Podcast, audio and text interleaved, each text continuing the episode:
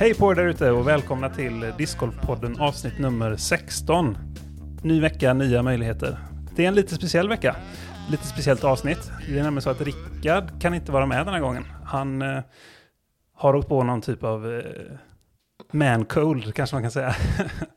yes, så eh, vi har en eh, fullgod ersättare här i form av Filip Lindberg. Hjärtligt välkommen. Tack så mycket. Tack så mycket. Ja, det är kul att vikariera. Ja, Ja. ja svingrymt att du kunde hoppa in med kort varsel.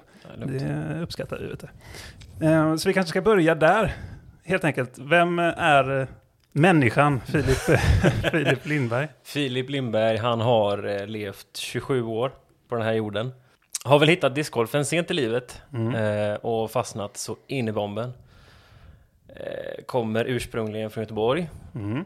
Ehm, och flyttade väl hit egentligen bara för studiernas skull. Ja, för det kan vi säga att du bor ju i Vänersborg på, eh, på samma sätt som jag och Rickard gör. Och vi delar ju inte bara stad utan även eh, klubb. Mm. Eh, Så så är det. Stämmer. Nej, så jag flyttade till Trollhättan eh, 2019. Nej, 2020. Mm. Eh, och snabbt därefter nu så har jag flyttat ut till Rästagård. Just det. Mm. The place to be. The när place to be. Discgolfare i Vänersborg i alla fall.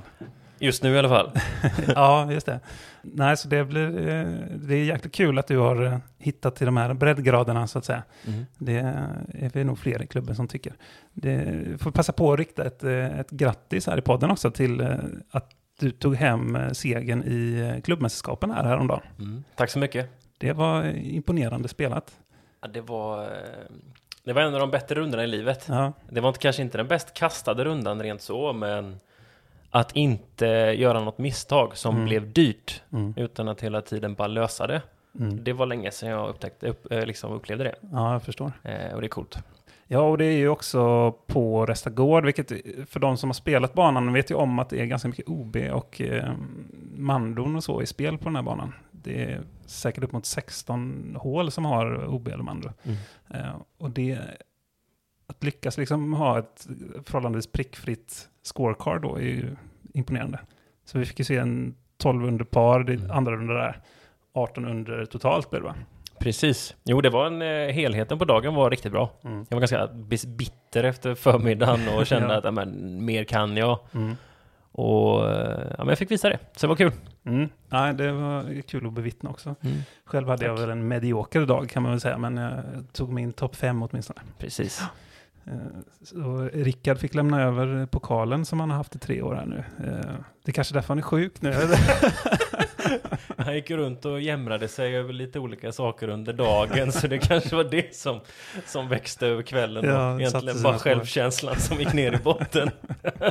Nej, det tror jag inte. Nej, han lät väldigt ödmjuk när han lämnade över pokalen. Ja, det gjorde han, herregud. Och han, han berättade ju efterhand att eh, han fick bita sig i tungan för att inte börja psyka mig under tiden i vår battle. För att han ville göra det så sportsligt som Ja. möjligt. Så han flikade bara in en gång att hans banrekord var 13, när jag Ja. låg 11. Bara så du vet. Ja. Men annars är Anton Westman som brukar vara bra på att psyka. Fick ni några psykningar av honom? Ja, men han, han är så... Eh, han spelar ju fotboll, Mm. eh, så han är ju väldigt rakt på sak. Mm. Typ, missa inte nu. Eh, I sina synkningar. Och jag är såhär, okej. ja. Är du 12 eller? ja, jag fattar. Men, de är liksom eh, inte så svåra att avvärja kanske. Nej, Nej. det värsta psykningen som kan få mig ur balans det är när man spelar med någon som kanske är ganska ny och aldrig har spelat med mig innan och så Ja. säger de bra kast när man typ träffar ett träd 70 meter fram eh, och man ska försöka säga ja det, det var okej. Då, då tappar jag det. Ja, jag fattar. Sen finns det de som är någonstans mittemellan som man inte riktigt vet om de menar det eller inte. Mm. Det är, näst, det är nästan ännu jobbigare kan jag tycka. Så här, fan, var det en psykning eller tyckte hen att det var ett bra kast? Liksom. Ja, jo, Lite speciellt. mycket. Ja. Men eh, nej, så det var, det var kul med, med KM vi hade bra väder och eh, 43 personer tror jag det var som slöt Riktigt kul. upp. Mm. Herregud, det var och så många som stannade på prisutdelning och Mm. ja, allt möjligt. Nej, så det var skojigt. Ni, får, eh, ni som lyssnar och är i regionen här runt Vänersborg, Trollhättan och Uddevalla, joina klubben här för fasken inför eh, nästa år. Det kommer bli mycket skojigt. Mm, mm. Så Verkligen. välkomna så.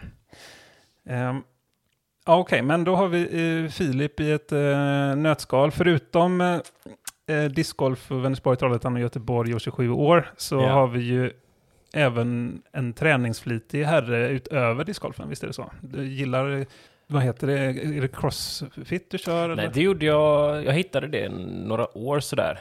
Mm. Men eh, sen tog jag väl ut bitarna från det som jag tyckte mest om. Mhm. För crossfiten försöker ju vara heltäckande liksom genom träningsvärlden. Allt från långdistanskondition till korta intervaller och skivstånghantlar och allt vad ni kan tänka er. Eh, men så tog jag ut de delarna som jag trivdes med egentligen. Och gjorde det väl mer till en, en annan träningsfilosofi utöver det. Mm. Så kalla det vad du vill. Ja. Funktionell bodybuilding. Ja, just det. Men det är mer eh, på privat plan så att säga, att du, du sköter din egen träning. Det är inte så att du går eh, på pass och sånt eller? Nej, nej alltså jag började väl styrketräna när jag var 15-16 någonting. Mm. Men mer seriöst från att jag la ner min vanliga bollgolfkarriär som vi kan prata mer om sen. Mm. Ehm, när jag var 21 någonting. Mm. För att utbilda mig till personlig tränare. Just det. För att intresset var högt och jag kände att men, det vill jag bli. Mm. Eh, bara för att kunna ha ja, men ett naturligt steg om golfen inte blir det jag vill. Mm. Och så körde du på med det ganska intensivt i fyra, fem år någonting. Precis, eh, det gör jag ju än idag. Mm. Eh, fast i mindre skala då i och med att jag pluggar. Men jag jobbade som personlig tränare mellan eh, 2016, nej 2015 och ja, än idag då. Mm. Eh, med allt från 70-åringar som hade problem med knäna till Mm. eh, elitidrottare som främst riktade sig, där jag riktade mig till golfspelare då. Mm. Eller andra rotationssporter. Mm. Kunde vara kastsporter, kunde vara handboll, kunde vara hockey. Eh, det. men främst golf. Ja, spännande. Och då kan man säga, du sa att du pluggade. Eh, vad, vad är det du pluggar förresten? Nu läser jag till lärare Mm. eh, och väldigt eh, oväntat inom idrott och hälsa. Mm. Eh, och även fritidshem då för grundskola. Eh, så jag är inne på mitt andra år nu på HV. Trevligt. Mm, Känns bra? absolut. Mm. Det är jätteroligt. Ja, men det känns som att det borde passa dig. Ja, det tror jag. Nu äntligen får man ju börja träffa folk också. Det har varit ganska segt att ha Zoom-föreläsningar om praktiska moment som typ Mm. hur man spelar volleyboll. Det kanske inte är skitkul att ha via Zoom. Är det kanske är roligare att ha lite mer eh, hands-on så att Typ säga. spela. Typ spela. ja. Volleyboll är roligt. Vi körde det en del när jag pluggade uppe i Umeå där. Så hade vi en sån här inomhusarena som hette Iksu. Okej. med bland annat så här stora beachvolleybollplaner och sådär. Eh, och det var ju eh, riktigt kul. Mm. Faktiskt. Det hoppas jag kunna ta upp lite mer igen. Vi har ju en i klubben som heter Johan Bryntesson som spelar, har spelat i alla fall mycket beachvolleyboll. Okej, det Eller visste nej, jag inte. nu, det är nog inte beach, det kan vara vanlig volleyboll så att säga. Ja, för det, det är roligt att jag tog det som exempel, för det är den enda bollsporten jag är dålig på. alltså riktigt dålig på. Ja, jag förstår. Ja. Ja, den, är, den är lurig alltså. Äh, skitsvårt. Mm. Ja, eh, fel sport. Men, Ja. men ändå, på tal om fel sport, vi kanske ska gå till bollgolfen då. Ja, För där, eh, som jag har förstått det, var ju du väldigt aktiv och dessutom väldigt duktig under eh, en ganska lång period under din, ditt unga liv så att säga. ja absolut. Jag jag började spela bollgolf när jag var fyra år gammal. Mm. Och jag tyckte väl först att det var roligt när jag var nio. Ja, Så att det var liksom min mormor och resten av familjen som ville att jag skulle spela golf. ja, jag förstår. Eh, för det var liksom lite familjetradition. Men eh, från att jag var eh, 13 så började jag tävla och det gick jättebra. Hade hög liksom nationell nivå genom hela juniortiden upp till att jag var... Eh, ja, vad gjorde jag? När jag var 16 kom jag trea på junior-SM. Eh, och sen så blev jag proffs när jag var 17. Mm. Och spelade fyra säsonger på det som kallas för Nordea Tour då. Mhm. Idag tror jag det kallas för More, more Card. Om man ska sätta det i perspektiv. eh, Då är Nordea Tour är ju Sverige, Finland, Danmark, Norge. Även lite Tyskland. Så det är väl som NT fast skandinaviskt. Mm. Eh, om man ska försöka spegla det till discgolf då. Mm. Eh, och konkurrensen, eh, alltså bollgolf, discgolf går inte egentligen att jämföra. Nej, bollgolf är ju trots allt fort, fortsatt bra mycket större får man ju säga. Ja. Men jag försökte där i fyra år och alltså jag spelade bra, men jag spelade absolut inte tillräckligt bra. Mm. Så jag gick jättemycket back varje säsong och efter fyra säsonger så var det mer stress än vad det var liksom någon glädje i det Mm, längre. mm. Just då i den, i den vevan så tog jag min PT-licens och började med något annat. Just det. Eh, och en liten side-note på det då, 2016 i samma veva som jag började tacka för mig eh, inom den professionella sfären så hittade jag ju long drive istället. All right. Eh, vilket är fantastiskt roligt. Och det är precis vad det låter som. Det är precis vad det låter som. Det är hårdrock på högsta volym och det är liksom ett fält på 400 meter Mm. och längst vinner. Mm. Eh, och enda kravet är att du håller dig inom för ett spann som är 50 meter brett. Mm. Eh, och det är där bollen stannar då. Det. Eh, så det är väl min tyngsta merit egentligen att 2016 så vann jag SM. Det är häftigt. Det är väldigt coolt. Och det kommer jag alltid bära med mig. Hur långt, om man får fråga då? I gruppspelet slog han den längsta bollen och då var den 421 meter. Och det låter extremt långt. Eh, ja, det var det. Och i, eh, ska sägas, då blåste det. Mm. Kanske landar bollen omkring 350. Och det är medvind som är bäst i bollgolf. Medvind är absolut det- inte alls som i discgolf, utan Nej. där är det klart medvind. Mm.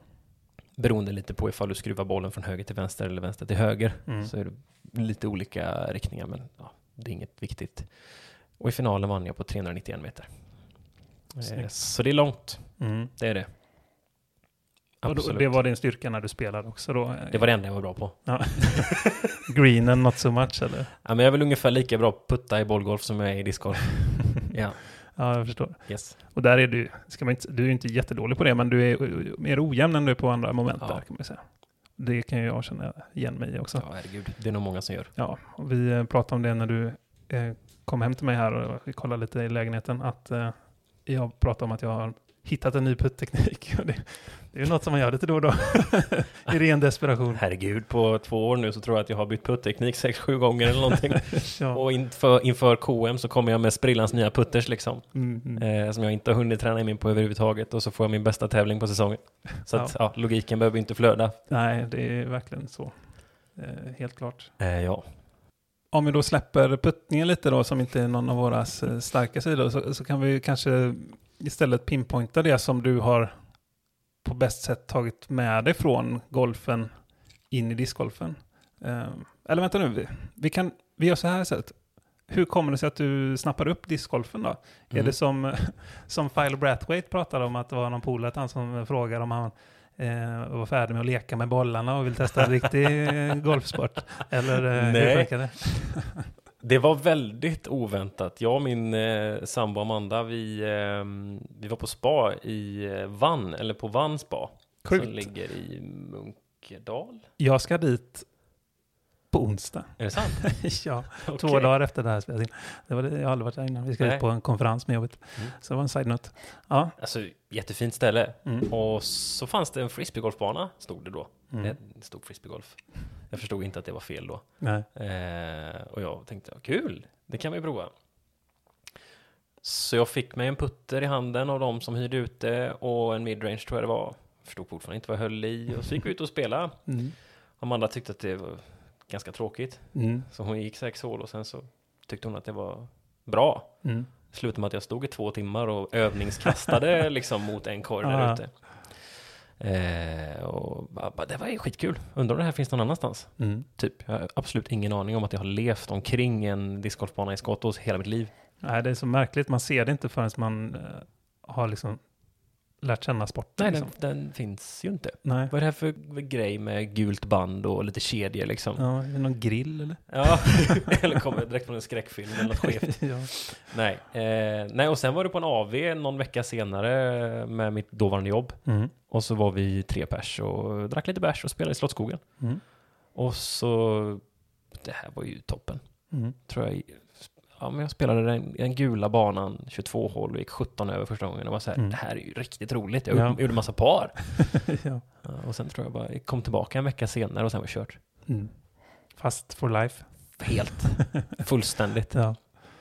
Ja, men det, är det samma upplevelse? Som, jag har haft den upplevelsen, jag har testat ganska många sporter i mitt Mm. liv, men aldrig varit med om något som är så beroendeframkallande som att se en disk flyga liksom.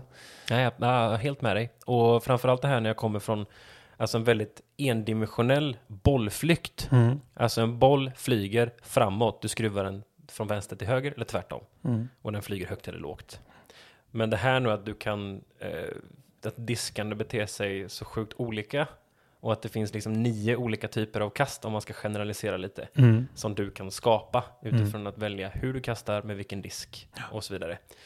Och där blev jag mindblown med en gång när jag började liksom gå in på YouTube. Och eh, jag som kommer från bollgolfen är ju, älskar ju teknik och Mm. tekniska liksom moment. Så sen var det ju kört. Ja, det är som han, eh, Disc Golf Comedy sjunger i den här låten. ehm, It's sure nice to see a pitcher throw a curveball. Uh, but a disc can curve once and then curve again. Eller något sånt där, va? Ja, men det är ju precis så. Ja. Oavsett exakt hur citatet går så är det ju så sant. Mm.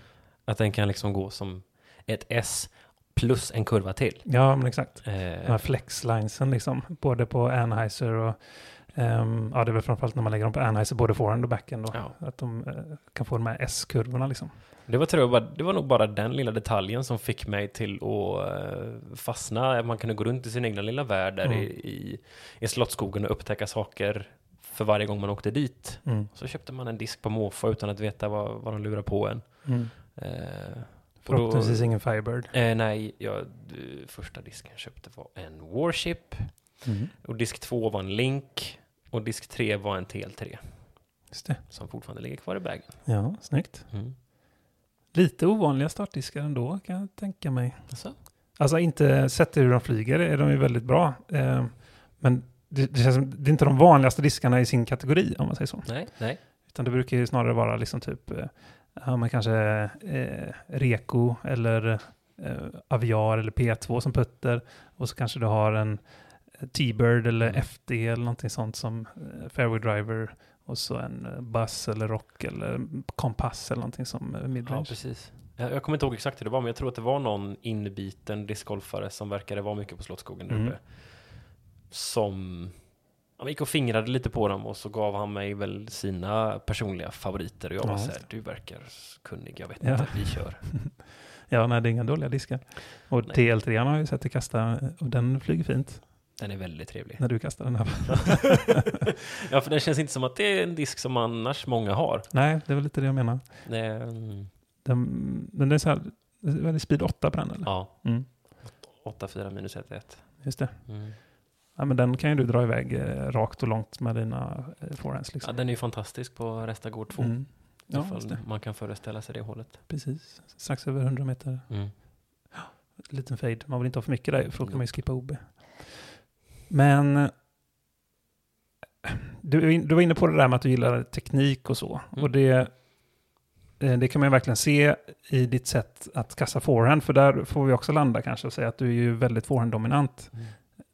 Som ju numera ganska många är på, i våran klubb här. Eh, Ja, det är ett lustigt fenomen Ja, precis. att det är så många som gör det. Mm. Ehm, du har ju verkligen en, en välarbetad och finslipad eh, forehandteknik med tanke på hur kort tid du har eh, spelat. Och det antar jag är för att du har kommer från golfen där du har nött teknik sedan du var fyra bast liksom. Så att du, du vet, you know the drill så att säga. Eh, det ligger någonting i det gissar. Ja, alltså... Eh, så som man släpper disken i discgolf är ju, i en forehand då, är ju väldigt likt om man tänker sig precis vid bollträffögonblicket Mm. som kallas för impact. Eh, så är din högra arm i ett böjt läge eh, som efterliknar jättemycket hur du släpper disken som sagt då Mm. i en forehand. Och ifall du övar in den här rörelsen långsamt, kontrollerat med en väldigt öppen hand om man kan kalla det för något sätt eh, med, en, med en disk då.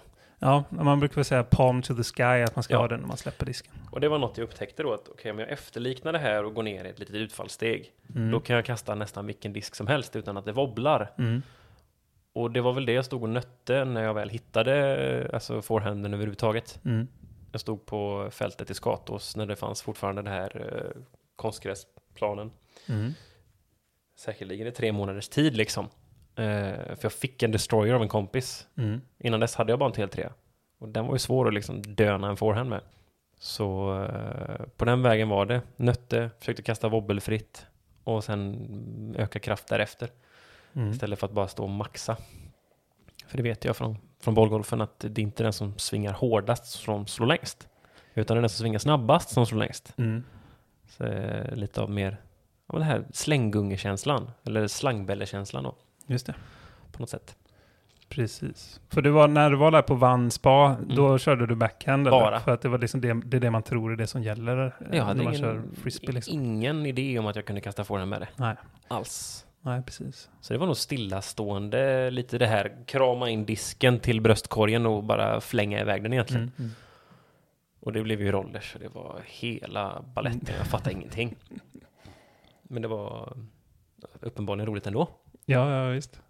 Men i och med att du är så kunnig inom träning också då som, som, eh, eh, som personlig tränare och så vidare. Vilka, vilka muskelgrupper och sådär eh, skulle du säga är de viktigaste inom discgolf? Och varierar det mycket beroende på om man kastar backhand och forehand och sådär? Alltså, I det stora hela så är det väl väldigt viktigt att se lite större än bara enskilda muskelgrupper. Mm. Eh, man brukar höra ofta att ja, men benen är viktiga, coren är viktig, axlarna är viktiga Mm. och allt möjligt. Men det, det viktigaste i hela träningsrutinen när du håller på med rotationssport är ju att du behöver röra dig allsidigt Mm. i alla olika riktningar. För jag menar, en, en backhandrörelse är ju jättekomplex. Mm. Du springer i princip i sidled. I hastighet ska du dessutom försöka rotera. Och så ska du ta emot hela din kroppsvikt på ditt stödjeben. Och sen släppa iväg disken. Och det här ska du göra kontrollerat Och tajmat. och tajmat. Mm. Och det är väl där man måste börja och förstå då att styrketräningen behöver grunda sig i att röra sig allsidigt med alla de här faktorerna inblandade. Mm. Mm. Så att ge ett konkret övningstips går nästan inte. Nej. För vissa är ju stela på vissa ställen och andra är jätteöverrörliga där. Mm. Ehm, men att försöka i alla fall involvera eller få träningen att kretsa runt att träna framåt och bakåt i sidled och även i rotation. Så dynamisk liksom. Ja. Mm. Och att försöka få in alla de här delarna. Men har du aldrig styrketränat ska du absolut inte rotera på gymmet. Utan det här tar ju tid. Ehm, Jag har hört att man exempelvis om du, om du kör enklare liksom hantelövningar och sånt, att det, att det kan gynna att till exempel stå på ett ben. För att liksom på ett enkelt sätt få den här lite eh, hjälpen att eh, öva in balans och även lite core också då så att säga. Mm, absolut. Alltså allt det här att kunna få bort de bekväma positionerna. För en discgolfkast är inte en bekväm position. Nej, rätt som det så står man i någon sluttning. Ja, du står aldrig helst, plant. liksom. Nej. Eh, visst, på tid står du plant. Eh, men om du kommer till större banor så står du nästan aldrig plant. Nej. Och din run-up kommer vara komprimerad. Du behöver eh, liksom kompensera en run-up till att kanske vara mer sidledes än vad du är van vid. Mm. Eh, eller diagonal mer än vad du är van vid och så vidare och så vidare. Och då behöver du öva på det här Mm. på ett annat sätt. Så absolut, alltså ta bort vissa balansmoment då eh, på gymmet och göra standardiserade övningar. Kan vara en liten justering Mm. för att göra dig mer kapabel liksom, till att utföra en så komplex rörelse. Mm. För discgolfrörelsen är ju tre gånger svårare än en golfsving. Mm. Om man ska se det då. För där står du i alla fall still. Mm, just det. det är sant. Om man inte heter Happy Gilmore då. Eh, exakt. Jag hade velat se Adam Sandler göra den rörelsen på riktigt. ja. Ja. ja, just det, det är en film ja. Ja, Mm, den men den är fräck. ja, det är den faktiskt. Den har inspirerat många. Ja, Och säkert lurat många, så lär, tror jag. så lär det vara. Men något som man brukar höra inom discgolfen, eh, det är ju att egentligen inte styrka spelar så jättestor roll, utan att det är mycket eh, teknik. Och man kan ju se på sådana som Page Pierce till exempel, som är eh, ja, men liten i kroppen, men har väldigt bra teknik och, och, och kastar längre än de flesta män. Liksom. Hur står du i den frågan? Liksom? Jag antar att du, nu ska jag gissa vad du svarar här då, jag gissar att du kommer säga att det är absolut inte det viktigaste, men det hjälper. Är det så, Det är väl är det så här- du tänker? Ja, det kan hjälpa. Mm. Man kan väl se det lite, om man ska generalisera lite eh, träningsresultat då. Tränar du långsamt blir du långsam, tränar du snabbt blir du snabb. Mm. Det är inte riktigt sant. Mm. Men över tid så är det en del av sanningen. Och hur tränar man långsamt då, om man ska förklara det? Om dina rörelser på gymmet är långsamma, Mm. eller om de är snabba över tid. Mm. En liten side-note till det, att du ska absolut inte träna snabbt innan du har tränat långsamt. Nej, just det. I alla fall inte med tunga vikter. Nej. Kanske inte alla, annars heller. Nej. Nej. Ehm, men om man ska se det då till alltså, discgolf-världen, om man kollar på Emerson Keith till exempel, Mm. som kastar hiskligt långt, både backhand och forehand, Mm. och är ju, jag vet inte hur lång han kan vara, 1,60. Ja, något i den stilen skulle jag gissa. Ja. Eh, och han vränger ju iväg en forehand på 400 feet plus liksom, Mm. vilket borde vara helt orimligt. Mm. Så att du kan ju kasta jättelångt, eh, oavsett din kroppsbyggnad. Kolla på Anthony Barella. Mm. Eh, eller bara kolla på Eagle. De är långa spetor Mm. och du kan kasta svinlångt. Snabbhet och teknik. Snabbhet och teknik, Mm. men framförallt effektivitet. Alltså ser man på Eagle, absolut, när han tar i så syns det. Men vanligtvis så händer ju ingenting. Nej. Och så är armen i 80 miles per hour och kastar 700 feet och parkar en par fyra. Just det. eh, men det alltså styrketräningen och musklerna gör är att du skyddar dina leder. Mm. Du kanske kan hålla på länge. Just det. Eh, och ifall du är en kraftfull atlet eller spelare så vill du ju gärna hålla på länge. Och du vill inte kasta långt när du är 25 till 30 utan förhoppningsvis längre. Mm. Och det är väl lite därför jag själv sköter om min kropp så mycket och nu när jag vill kasta långt. För jag vill inte sluta när jag är 30. Mm. Jag vill kunna fortsätta utan att ha ont överallt. Mm. Eh, för man vet ju att det är många som går runt där ute med lite tigerbalsam och Voltaren och, och grejer och knaprar piller när de spelar för att de har så jävla ont. Och så, Mm. ja. Det är väl snarare så. Och då är det ofta knä, rygg och armbåge är väl det som ryker först hos en discgolfare, enligt mina erfarenheter i alla Ja, fall. det skulle jag säga. Och det är ju kanske, ja, som ett knä exempelvis då. Om man ska undvika en knäskada när man kastar mycket backhand Mm. eh, genom att träna, vad, vad ska man göra då? För det finns väl ett, ett visst sätt att man överanstränger knät också om man tränar. Liksom. Mm. Det, är väl, eh, det känns som en svår balansgång. Det är en svår balansgång. Och alltså en rotation i ett knä, det är jättefarligt. Vad, alltså hur vältränad du än är. Men en korsband går ju i alla sporter som Mm. har med rotation att göra. Så där är det väl ännu viktigare kanske att ha en teknik som släpper lös din rotation.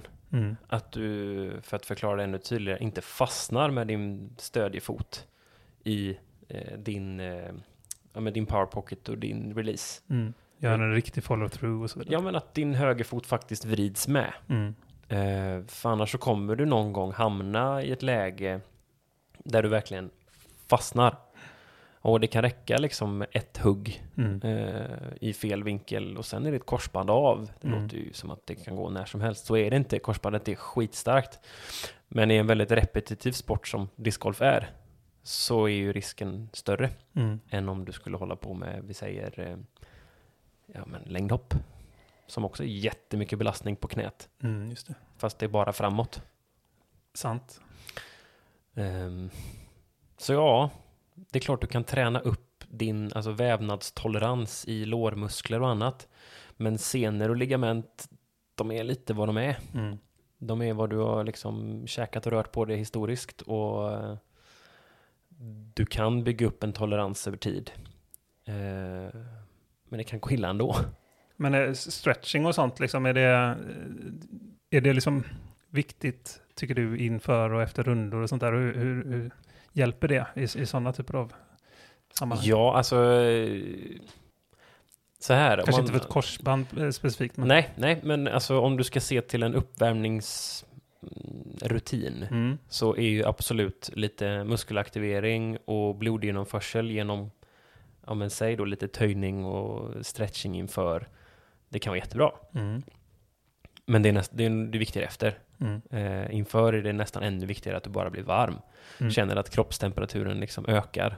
Rickard brukar man ju se där uppe på, på rest att han springer runt och hoppar och skuttar lite Mm. och det kan se lite roligt ut. Men det är helt rätt. Bara få igång kroppen liksom. Helt, alltså få igång Mm. kroppen och det som händer när du blir varm är att brosket blir mer tolerant inför belastning. Mm. Eh, för att det blir mer ledvätska i cirkulation. Mm. Så därför, det är ju bara en del av att värma upp. Eh, och faktiskt bli lite svettig till och med. Ehm, sen liksom, om du har någon stelhet som du vet med dig brukar göra dig begränsad under Mm. en runda. Ja men stretcha den delen lite grann då. Men värmen är viktigare. Mm. Ja, men jättebra eh, tips. Jag själv slarvar ju en del, men eh, det är liksom ibland så, framförallt om det är lite kyligt sådär, om, om du spelar så här årstid på månaden till exempel, Mm. då brukar jag ta en liten så här joggingtur liksom. Eh, ja, inte en, en halv mil liksom, men mellan hål ett och två kanske liksom. Ja, och det kan räcka. Mm. Alltså, ehm, man behöver inte vara en superatlet för att kunna värma upp på ett Nej. eh, vettigt sätt. Men jag blir lite trött på alltså, de heltidsproffsen, hur, hur slappa de kan få sig själva till att låta. Mm. Eh, att de så här liksom smått gäspar lite och hoppar ur baksätet för fyra minuter sedan, nu står första tio. Jag tycker att det blir en, Fel signaler lite grann. ja men lite grann. Mm. Fan, ni är heltids eh, elitidrottare och försöker försörja er på det här. Mm. Och sänder signalerna som att ni är slackers. Mm. Det vet man att de inte är. De Nej. lägger ner så jävla mycket timmar. Eh, men så försöker de, jag vet inte om det är en fasad eller om det är sant, men att de får det att försöka låta som att de är lite mer så här surfboys, som är, det är liksom gött att bara hänga på. Ja. Eh, för då känns det som att då blir det normen. Mm. Ja, men jag förstår precis vad du menar och, och det finns säkert eh, flera sanningar i det hela så att säga. Det absolut. finns ju de som säkerligen är sådana, men eh, de är nog förhoppningsvis inte så många tror Nej, jag. Och det finns ju de som är öppna åt andra hållet också, som Ja. är väldigt så här, måna om deras fysik och eh, rutiner och sådär. Så det, men jag, jag, som sagt, jag delar din upplevelse. Ja, för det var, alltså man ska koppla det till bollgolfen då, när det hände någonting runt 2000-talet, när, när Tiger Woods slog igenom. Han var ju liksom den första fullfjädrade atleten Mm. som kom in med alltså en ett helhetstänk. Att det var inte bara eh, timmarna på golfbanan, utan det var allt runt omkring. Mm. Och efter det skiftade, blev det liksom ett, eh, ett paradigmskifte.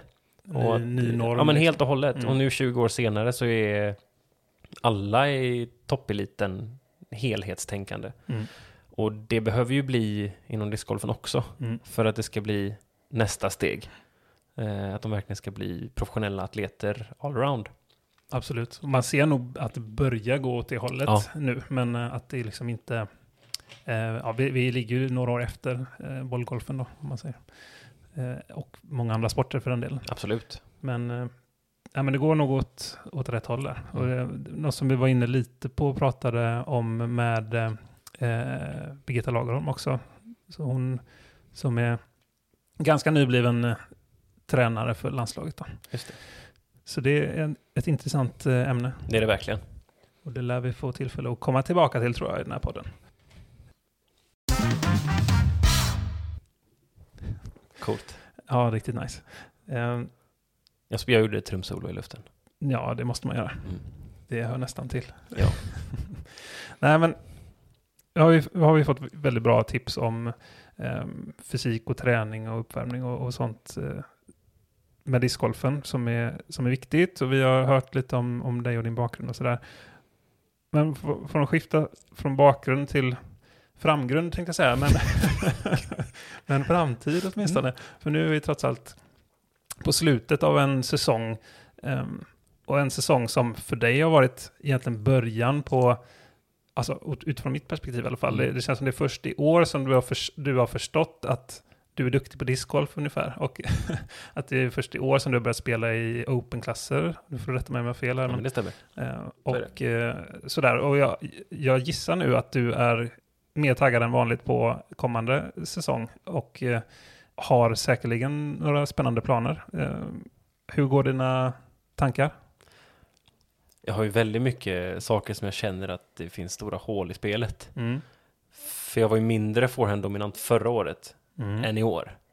Eh, jag gick ju lite på den här idén om att eh, sluta försöka täppa till alla svagheter och istället bli jävligt bra på en sak. Mm. Tror jag lyckades med det. Mm. Men det är lite färdigt också med det. Mm, jag. Jag kanske kommer till 9, 50, 60, 70 i rating med bara en forehand. Mm. Eh, men vill jag vara med på SM om fem år och känna att jag har något där att göra så behöver jag mer. Mm. Mm. Och jag kastade ju 20 meter längre backhand efter ett halvår i discgolfen än vad jag gör nu. Mm. Mm. Och det är väl lite det jag behöver få tillbaka. Hitta en schysst, eh, avslappnad, snärtig backhandrörelse som jag känner mig trygg i. Mm. Så där kan man lägga väldigt mycket timmar i, i vinter. Så backhand och så vi har pratat lite off mic här i tidigare dagar om att du också experimenterar mycket med puttning. Mm. Och jag gissar att det är något som du också ska jobba med mycket. Ja. Så det är puttning och backhand, det är det som är off-season fokus. Alltså nästan bara. Mm. Och sen försöka bibehålla en, eh, en schysst eh, forehand såklart. Mm. Men det känner jag att det, det är inga problem. Nej, eh, det kan vara lurigt dock. Eller i alla fall enligt mina erfarenheter. Sen, sen har ju du, känns som att du har en större grundtrygghet i din forehand än vad jag har i min. Men det har ändå varit någonting som jag har lutat mig mot mycket i mitt spelande också. Men sen jag liksom har försökt utveckla min backhand så känner jag framförallt den här säsongen och framförallt slutet av den här säsongen att jag nu är jag bättre på backhand än jag är på forehand Okej. eh, i stort sett. Mm. Och jag vet inte om det innebär att jag har blivit så mycket bättre på backhand. och det, det är lite problem- problematiskt. Eh, så jag känner att jag liksom har tappat eh, både längd och eh, känsla i min forehand eh, för att jag har fokuserat på annat Mm. under kanske för lång tid då. Så att det är ändå någonting som man får nog vara lite försiktig med. Mm. Däremot gissar jag att om jag, om jag står, kanske räcker att jag står och nöter i ett par timmar så kanske jag hittar det igen. Jag har bara inte haft den tiden, eller tagit mig den tiden ska jag väl säga då. Utan för mig har det varit mer att jag har, jag har liksom tävlat och så har det tagit väldigt mycket energi och tid. Så jag har inte haft så mycket tid att träna. Men det är kanske i meningen när det är eh, alltså full on season. Liksom. När, det, när det är mycket tävling så hinner man inte träna lika mycket. Alltså tävlingssäsong är jättedränerande. Och du får ju liksom acceptera det paketet du har när du väl drar igång en tävlingssäsong. För Mm. du kan ju inte justera något under tiden. För då kommer du tappa allt ditt självförtroende i dig själv. Ja, det är nog eh, smart. Så är det ju i alla sådana tekniska sporter egentligen. Mm. Det heter ju off-season av en anledning. Det är ju där du sätter din bas inför säsongen. Mm. Sen får du leva med den. Så får man utvärdera efteråt istället för att hålla på och Helt vela och mitt, hållet. mitt i. Liksom. Eh, för vill du justera någonting, då får du vänta. Mm. Eh, för annars kan du inte förvänta dig att en förändring är positiv i mitten. Eh, och det är ju där jag tror många gör fel. Att de mixtrar Ja. ständigt. Jag tror det är extremt vanligt. Ja, självklart, alltså man känner under någon runda att wow, jag hittade det. Mm. Eh, och så vet man kanske inte egentligen vad man hittar, man hittar något. Mm. Och så går man och nöter och nöter och nöter. För att man gjorde en liten, man la pekfingret på eh, ovansidan av puttrimmen istället för undersidan Mm. Ja. plötsligt. Och sen ska du använda det i nästa tävling. Och så har du eh, två av tolv puttar i cirkeln satta under första rundan för att du litar inte på det. Nej, precis. Men det kändes bra på övningen. Så lite så, mm, får nog låta off-season ha sin gång. Mm. Jo. Eh, Det är nog, jag ska nog försöka göra mer så också faktiskt. För, för jag känner igen mig i det där väldigt mycket. mm. Så här bara, shit, jag, jag stod och övade fem stycken straddleputtar förut och satt allihop. Ja men lite så är det ju. Nu kör vi här. Ja. Första hålet var tjing! Ja. Ligger liksom inte bra till. Nej. Nej, men jag har ett sånt perfekt exempel nu eh, när jag kände att min säsong var över. Mm. Jag tänkte inte att KM skulle bli någon succé för jag bytte putters veckan där innan. Då var det en lycklig omständighet att det Eh, faktiskt funkar den här gången. Ja, men första tävlingsrundan med dem så hade jag ju 17% conversions. Ja, det är ju inte så bra. Eh, nej, då hade jag ändå, vad var det, 67% cirkelträffar. Mm. Så det var många puttar som inte ens var nära. Men det var skönt att de satt sen då. Mycket bättre. Mm. Väldigt härligt. Ja, men det är väl som du säger, det är väl sånt man får räkna med då, att man, den här consistencyn är svår att få till på en i en handvändning så att säga. Absolut, men alltså i alla förändringar, det kommer oftast gå sämre innan det går bättre. Mm. Och det måste man köpa. Ja, det, är- det ja, precis. Det, det är också en sån grej med, med forehanden för min del. Jag har ju i de flesta kast, ibland ändra, så kör jag med i huvudsak ett finger under rimmen och så sen stöttar jag med de övriga tre liksom Mm. utanpå. Och det vet ju jag att liksom det är inte det som är allmänt rekommenderat, utan de flesta kör ju med två uh, stack grip eller jag kallar det för straddle grip, jag tror inte det heter det, men, men man har liksom fingrarna isär som ett peace-tecken under, Mm, under disken. Liksom. Mm. Eh, och sen finns det ju en sån här power grip också som är lite mer som, Anton Westman, grottmänniska-greppet som ser ut som att fingrarna ska gå sönder. ja, lite mer clue sådär. Ja, det ser så sjukt ut. Precis. Mm. Och, och där var det någonting som jag tänkte så här, ah, men nu ska jag testa några kast med, med liksom eh, eh, stack grip typ. Och det gick ju inget bra såklart. Alltså så här, liksom, bara, nej, så gav jag liksom upp efter fem kast. Liksom. Ja. Jag går tillbaka till det som känns bekvämt. Ja. Och det, det är inte tillräckligt mycket av en analys, Ja, det är ju inte det. helt klart. Och det är ingenting man ska göra i säsong heller, nej. Nej, och, men jag kände ändå att det fanns nog egentligen en, en högre potential rent längdmässigt. Och då kastar jag i och för sig ändå upp mot 120 kanske med ett finger liksom. Och ibland längre, på, om man får flexa lite och så. Mm. Men jag känner ändå att det finns liksom mer. Eh, om jag hade bara gett mig fan på att, på att liksom nöta antingen power grip då eller, eller något, eh, eh, något av de här tvåfingergreppen. Mm. Så det, det är någonting som jag borde öva mer på. Till exempel. Men du, du kör, kör du stacked grip eller? Ja, ifall det är det det heter. Alltså två fingrar upp till eh, kanten av Ja, rimmen. mm. Ganska hårt packade liksom. Mm. Och det gör ju alla kast. Mm. Varenda en. Allt ner till 40 meter upp till max. Mm. Just det. Ja, nej, jag får, eh, jag får eh, testa det där eh, mer. Jag försökte eh, bibehålla filosofin jag lärde mig inom bollgolfen. Att alltså försök förändra så lite som möjligt från dina grunder. Oavsett i vilka situationer du hamnar i. Ja. Inte liksom ha sex olika grepp för sex olika typer av kast. Utan greppa på ett sätt. Mm. Och så anpassa dig därefter. För då finns det mindre felfaktorer. Mm. Ja, och det är, nog, det är nog klokt för... Så jag har också tänkt nu det senaste, framförallt med min backhand, att det finns... Det finns mycket tekniskt att jobba på egentligen. Jag, så många så här... Swedish swing tror jag någon sa att det kallas, att man går lite djupare ner liksom. Eh, Okej. eh, istället för att ha power pocket uppe i brösthöjd så kanske du har det liksom nere, nästan nere vid naveln, inte riktigt, men Mhm. du har lite längre ner. Och att det, eh, både jag och Rickard har ju lite av en sån swing till exempel Mm. i, i våra backhands. Och eh, jag har tänkt, har. försökt länge att liksom jobba på det och få upp den mer liksom som Ivory Jenkins, en sån som har väldigt så här hög power pocket till exempel. Mm. Eh, och det finns ju fler. Men till en viss punkt tänker jag att det kanske inte är värt att, att göra det som känns för obekvämt heller. Utan som du är inne på där, att man kanske får jobba på det som, alltså, som är ens... Det som känns bra, och så jobba på det och sen utveckla eh, alltså situationen och anpassa sig efter det istället då. Men då kanske jag behöver ha lite flippigare diskar, för det blir ofta lite mer heiser än, än, eh, än om man kommer högre upp. Liksom, Alltså, Så. om man ska se det också så tekniska förändringar inom bollgolf, det är ofta inte de stora rockaderna som blir liksom att du blir världsetta, utan det är ju småjusteringarna i din nu redan Mm. alltså funna grundrörelse. Mm. Så att det inte känns helt onaturligt. Eh, återigen tillbaka till Tiger Woods, han gjorde ju om sin sving mitt i 10-talet och först så gick det ju åt helvete för honom i det. Och sen så blev han ju den mest dominanta världsetta ever. Mm. Eh, och skulle man se till hans sving från 1999 när han eh, liksom började bli ett namn och nu ska inte jag eh, svära på att det är 99 men det är där omkring Mm. eh, till hur han svingar typ idag. Mm. Det är inte jättestor skillnad men det är skillnad Mm. och det ligger väl säkert något i det att du har säkert en jättebra grundrörelse men du läcker kraft någonstans och då behöver du något tränat öga som ser det. Mm. Att du kanske har en, eh, din reachback är färdig innan du sätter i ditt, din plantfoot. Mm. Och då behöver du egentligen bara vänta in din sving lite till. Eller tvärtom. Eller du som du säger, dra lite lågt, lite högt. Du ligger lite nära bröstet med Mm. disken, eller långt ifrån. Så Ja, men det är- små detaljer kan göra mycket, så är det ju. Absolut. För jag menar, kolla på ja, men Andrew Fish. Mm. Jättespeciell kaströrelse. Jättelågt ner. Mm. Kastar svinlångt. Mm. Eh, och ser ganska effortless ut. Och han är ju lika härjig i sin forehand som backhand. Ja, Eh, så det finns inget fel. nej, nej precis. Som Eric Oakley också ett utmärkt exempel. Så lite, ganska spretig och speciell teknik, men, Mm. men eh, Jag tänker på Bole Bompa när jag ser honom kasta.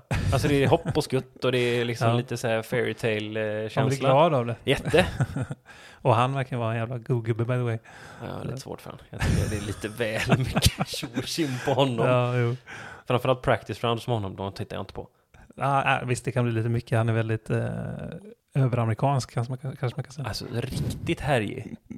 Men eh, det, det finns några guldkorn i det han säger också. Ja, herregud. Det, det håller jag med om. Mm.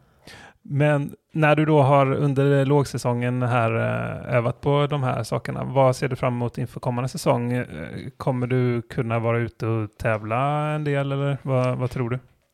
Nu är det så här att jag ska bli förälder i december och det är jättekul. Mm. Ehm, men eh, jag vill ju fortfarande kunna tävla nästkommande år. Så vi hoppas på att eh, bebisen tillåter det. Mm.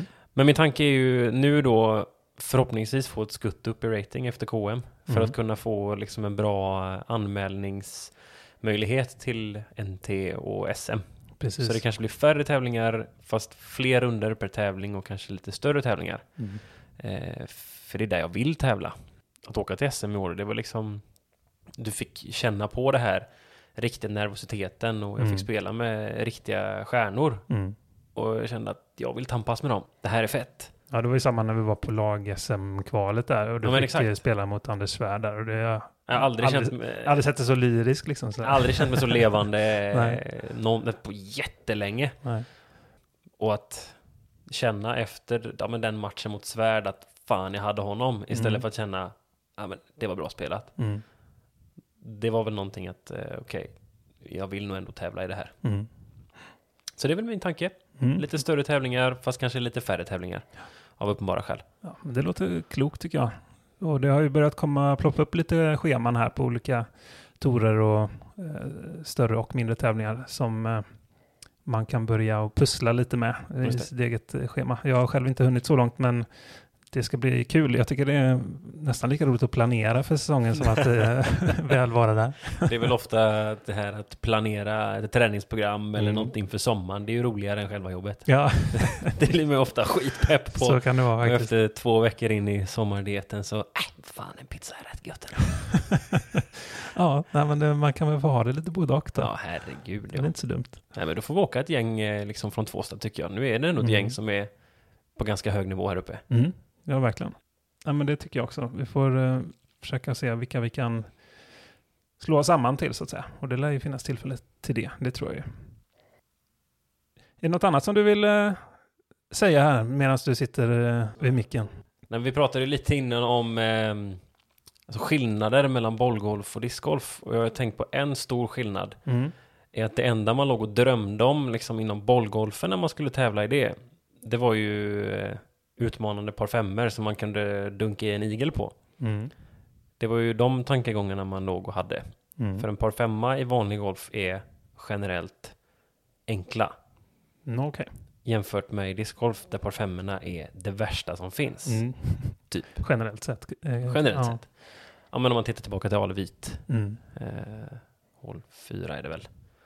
Ja, den är inte Den superlätt. är inte jättelätt. Jag tror det är två personer någonsin som har fått igel på det hålet. Ja det är helt Seppo hysteriskt. Pajo var först. Jag minns faktiskt inte vem som var nummer två nu. Nej, men det är helt hysteriskt. Det, Ja, det krävs ju en sån här Uber-roller liksom.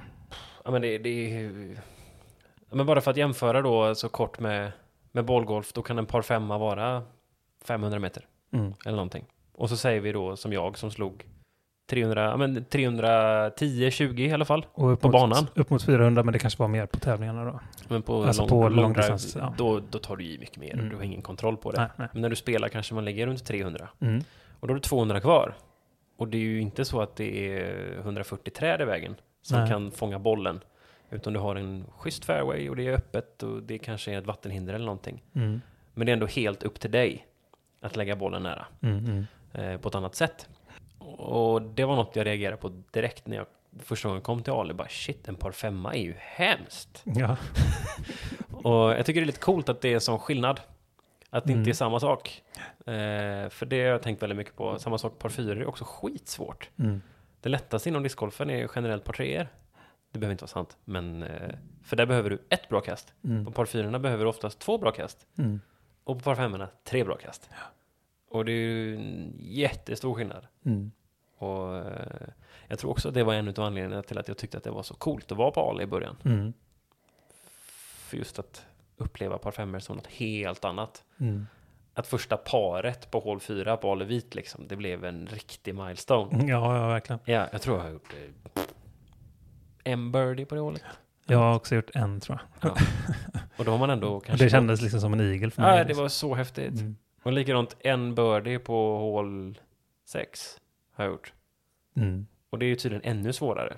Det är ju den på fyran eh, som 240 är meter uppför. med den här otroligt vackra tin. Exakt. Mm. Eh, Ja, den är, den är mastig. Det krävs ju två stycken 130 meters kast. Eh, ja, det är bomber. För att, i och med att det är så mycket uppför också. Ja. För att liksom ha, eh, för att komma innanför cirkeln åtminstone. Ja, nej, så det är typ en av de största alltså, mentala skillnaderna på paren bara. Mm. Inom en sport som är snarlik. Som jag har tänkt mycket på. Mm. Nej, men det är ju som du säger där med par femmorna och par fyrorna och sådär. Par fyrorna kan i och för sig ibland eh, för mig vara lite enklare, men det, det, det är ju ofta för att de kanske är 100, säg att de är kanske 180 meter eller så, om det är sånt på fyra. Då är det ändå, har man då strax över 100 i sig så är det ju, då blir andekastet eh, hyfsat enkelt. Eh, Mm. men, men jag köper vad du menar och framförallt med på femmorna om man ska jämföra med, med bollgolf. Att du måste ju shapea så jäkla mycket mer liksom. Det är inte bara avståndet som gäller liksom. Nej, för det fräckaste, det som var grejen med i bollgolf var ju att slog du jättelångt, då kan du gena. Mm. Och du kan ofta slå över träden, till exempel. I discgolf behöver du vara Jeremy Colling och kunna kasta en thumber 100 meter för att det ska ske. Ja, eller någon sån här liksom- Lisotte Sky Alley Ja. liksom. Men det är ju ingen som kan det. Nej. Men i vanlig bollgolf så var det ändå rimligt. Mm. Och det var ingen alltså, övermänskligt. Och, Och mer allmänt vedertaget liksom. ja. Mm. Så det blir ju mer speciellt då i discgolf. Mm. Att vara unik i sin längd eller unik i sin kreativitet eller något sånt där. Ja, det är nästan som man hoppas att inte discgolfen, alltså att alla blir Eagle och Lisotte. Nej. För det, då kommer det bli svårt att göra vettiga banor liksom. Det är ju lite det som händer i bollgolfen just nu. Mm. Alltså det är en längdrevolution. Mm. Eh, om man bara ser till en eh, som är med topp 10 i världen nu. Eh, Bryson, Bryson DeChambeau som ställde upp i långdrive-VM Mm. och kom sexa. För Mm. han sadlade om en månad innan och bara maxade sin längdutveckling. Och nu, det är ju jättemånga som förstör banorna där ute, Mm. helt enkelt. För att de gör par femmor till par fyror Mm. och så vidare. Så att det är ju ett jättedilemma. Det blir liksom Tiger Proof Deluxe nu liksom. Ja, men lite så. Nu Mm. kommer en till, eh, ja men vad heter det, paradigmskifte. Mm. Eh, så vi får se. Ja, det blir spännande att följa utvecklingen i ja, framförallt discgolfen för min del då, men Ja, eh, båda bollgolfen, sporterna. för- bollgolfen följer jag inte överhuvudtaget nästan. Nej, det är så. Nej. Du har gjort ett skifte du också. Helt och hållet. Många perspektiv. Ja. ja, det är vi glada för. Jag med. ja, vad roligt. Men eh, jag tror vi ska runda av där, Filip. Det tycker jag låter jättebra. Det har varit väldigt kul att hänga på den här kvällen. Ja, det var jättekul att ha dig här och som sagt återigen tacksam att du kunde ställa upp eh, och vara med oss i Discgolf-podden här. Och vi får eh, väl hälsa till Rickard, krya på dig Rickard. Det tycker jag. Eh, Skärp dig. Ja, skärpning. Mm. Kom tillbaks, stronger than ever.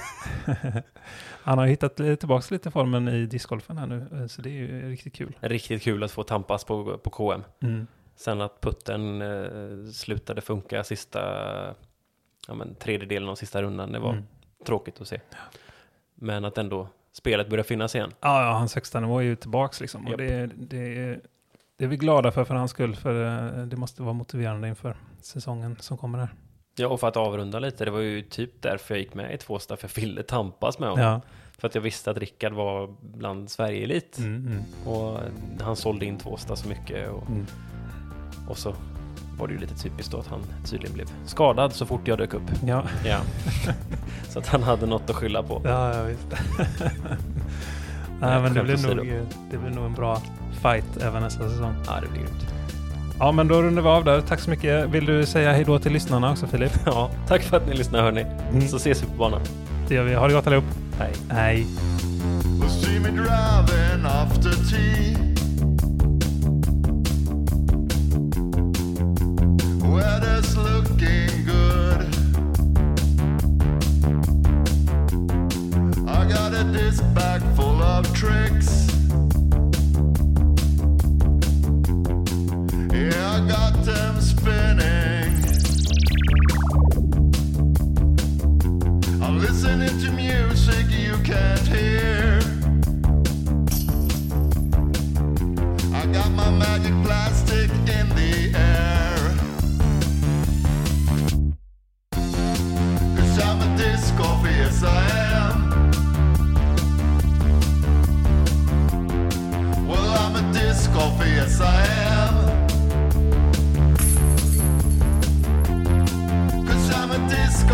yes I am.